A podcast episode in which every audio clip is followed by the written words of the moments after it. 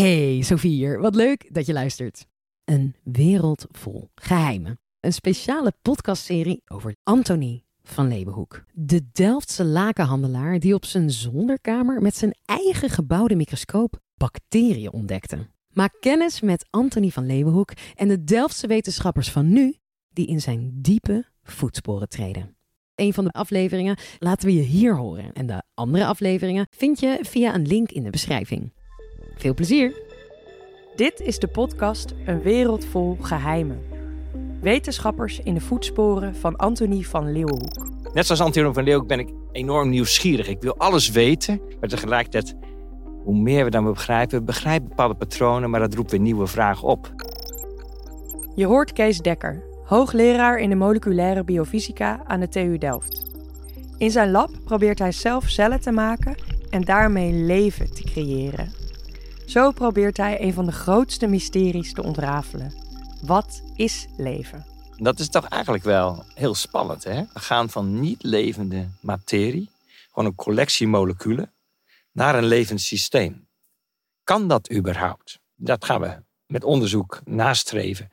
Kunnen wij vanaf de bodem iets bouwen, moleculen bij elkaar vormen, zodat het spontaan een levend systeem gaat vormen? Kees heeft veel grote ontdekkingen gedaan en daar is hij wereldberoemd mee geworden. Hij mag al bijna met pensioen, maar is nog lang niet van plan om te stoppen. Kees is nog niet klaar, die zit op het puntje van zijn stoel, heeft geen tijd te verliezen. Let's go! Ja, want als je alles wil weten. Je zou kunnen zeggen dat Kees de Anthony van Leeuwenhoek van nu is. Met zijn lab vol microscopen en zijn grenzeloze nieuwsgierigheid. 300 jaar later treedt hij letterlijk in Anthony's voetsporen. Ik ben gewoon een keer naar de gracht in Delft gegaan en heb een, een, een, flesje gevuld met water.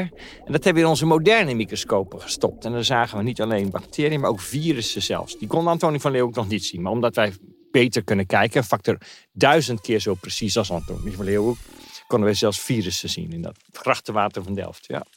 Ik bedoel, dat vind ik ook fascinerend. Hè? Astronomen die nemen een, telescoop en dan gaan ze in de ruimte kijken. Dan zie je allemaal nieuwe sterrenstelsels. Heel fascinerend. Maar je kan die telescoop ook omdraaien. En dan heb je een microscoop. En dan zie je ook een soort nanokosmos. Een kosmos van allerlei krioelende eiwitten en DNA-moleculen die samen een levend systeem vormen. Het is echt fascinerend dat dat bestaat en dat het ook werkt en blijft werken. Dat het een stabiel systeem kan maken. Dat wij niet ter plekke doodvallen omdat allerlei dingen misgaan. Kees ontrafelt het liefst de best verborgen geheimen van de natuur. De grote vraag waar ik nu mee aan de gang ben, is toch eigenlijk gedreven door die vraag: wat is leven?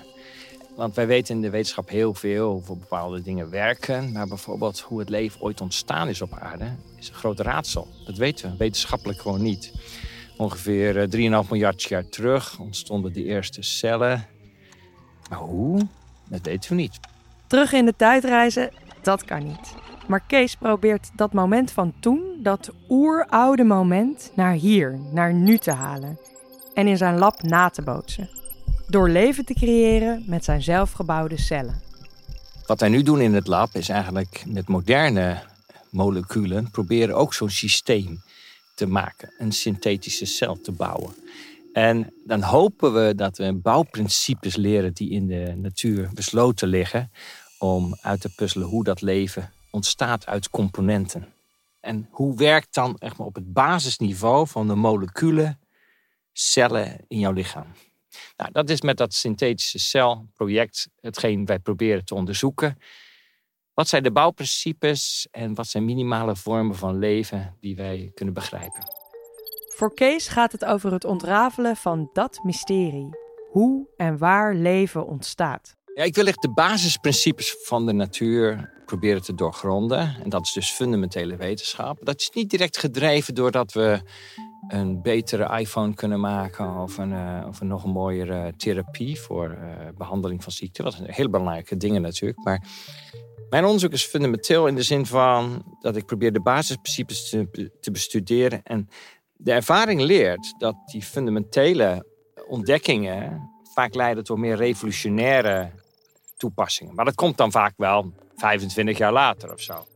Als we echt begrijpen hoe een levende cel ontstaat, leren we misschien ook meer over wat er gebeurt als het misgaat, als we ziek worden. We zijn dus nu bezig met fundamenteel onderzoek van die bouwstenen van het leven.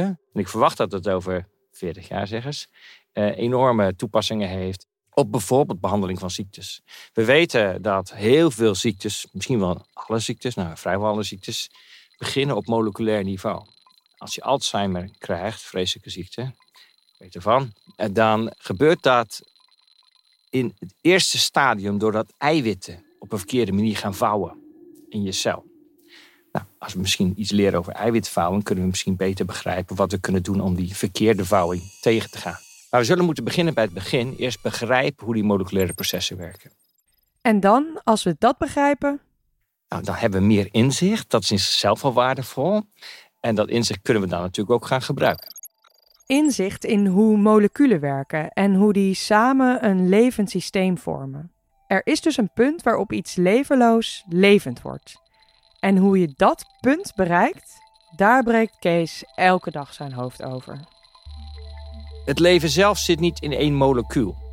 Een, een DNA-molecuul is zelf niet levend. Een eiwitmolecuul is zelf niet levend. Het is het samenspel van die moleculen die, die maakt dat je een levende cel hebt. Je kan het misschien vergelijken met een stad. In een cel heb je allerlei elementen die een bepaalde rol hebben. En dat heb je een stad ook. Energiefabrieken, vuilnisophaaldiensten, tramsystemen, bibliotheken, enzovoort, enzovoort. Dat zit allemaal in de cel. En de vraag wat is leven, die heeft eigenlijk te maken van hoe werkt dat samen? Hoe gaan die elementen samenwerken om zo'n levend systeem te gaan vormen? Want één zo'n DNA-molecuul, één zo'n eiwit, dat leeft niet. Dat systeem samen, dat maakt een levend, levende cel. Om die levende stad, onze cellen, te kunnen doorgronden, moet je kijken, meten, observeren en toetsen. En dan weer kijken, meten, observeren en toetsen, zoals de wetenschap dat al jaren doet. En zoals Anthony dat ook deed, 300 jaar geleden. Mijn voornemen is altijd geweest mijn, mijn speculaties en consideraties zo lang staande te houden, totdat ik beter onderrecht of meerdere en betere ondervindingen heb en dan mijn voorgaande gevoelens te verlaten. En het laatste aan te nemen en het ook te schrijven. Kijken, meten, observeren, toetsen en delen dus. Al eeuwenlang schrijven wetenschappers hun bevindingen op om ze te delen met de hele wereld via artikelen. En Kees, die schrijft ze onophoudelijk, omdat hij alles wil weten. Verwondering is wat mij drijft. Ik sta in deze wereld als een als een verwonderd mensen kijkt naar al die patronen in de natuur, maar ook in, in de menselijke samenleving of in alles eigenlijk. En ik wil eigenlijk, net zoals Antonio van Leeuwen, ben ik enorm nieuwsgierig. Ik wil alles weten, maar tegelijkertijd, hoe meer we dan begrijpen, we begrijpen bepaalde patronen, maar dat roept weer nieuwe vragen op. Hoe meer we weten, hoe, hoe meer we ons verwonderen over de, ja, de diepe laag in deze werkelijkheid en het mysterie daarin.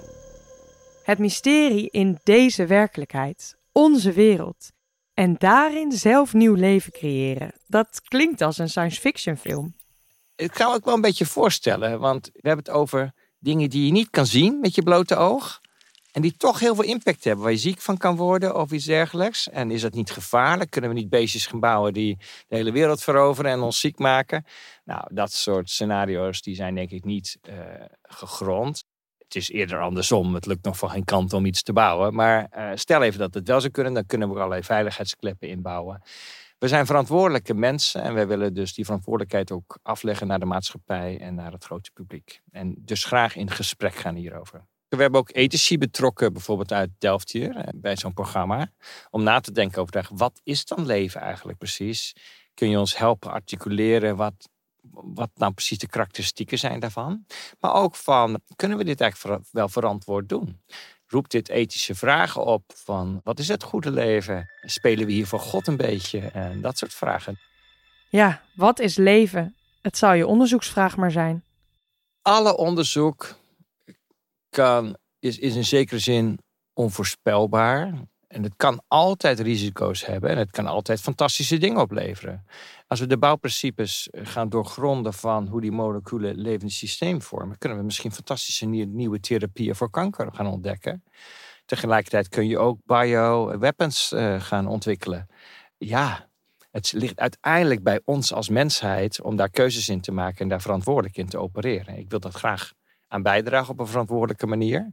Maar een garantie dat nooit iets niks fout kan gaan, die valt niet te geven. Maar dan zou de consequentie zijn als je dat niet wil, dat je alle onderzoek stopt. Want dat geldt eigenlijk voor alle onderzoek in de, de breedste zin van het woord. Kees bouwt vol verwachting voort op het onderzoek en de ontdekkingen die Antonie van Leeuwenhoek ooit deed. Ik ben van de natuurkunde overgestapt naar de biologie.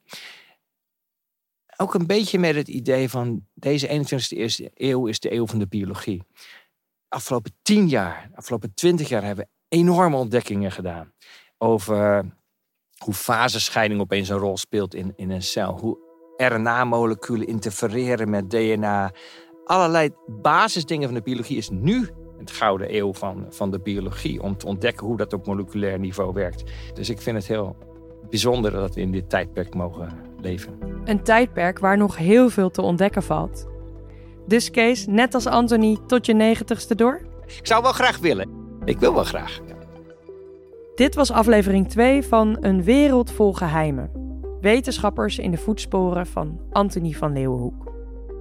Ben jij benieuwd wat ervoor zorgt dat jouw drinkwater drinkbaar is? Luister dan naar Doris in aflevering 3. Ja, natuurlijk weten we dankzij Antonie van Leeuwenhoek dat er beestjes uh, of dierkens in eh, water kunnen zitten waar je ziek van kan worden. Dus uh, ja, dat is natuurlijk een enorme belangrijke ontdekking geweest voor mijn vakgebied. Deze podcast konden we maken met de TU Delft en de Universiteit van Nederland.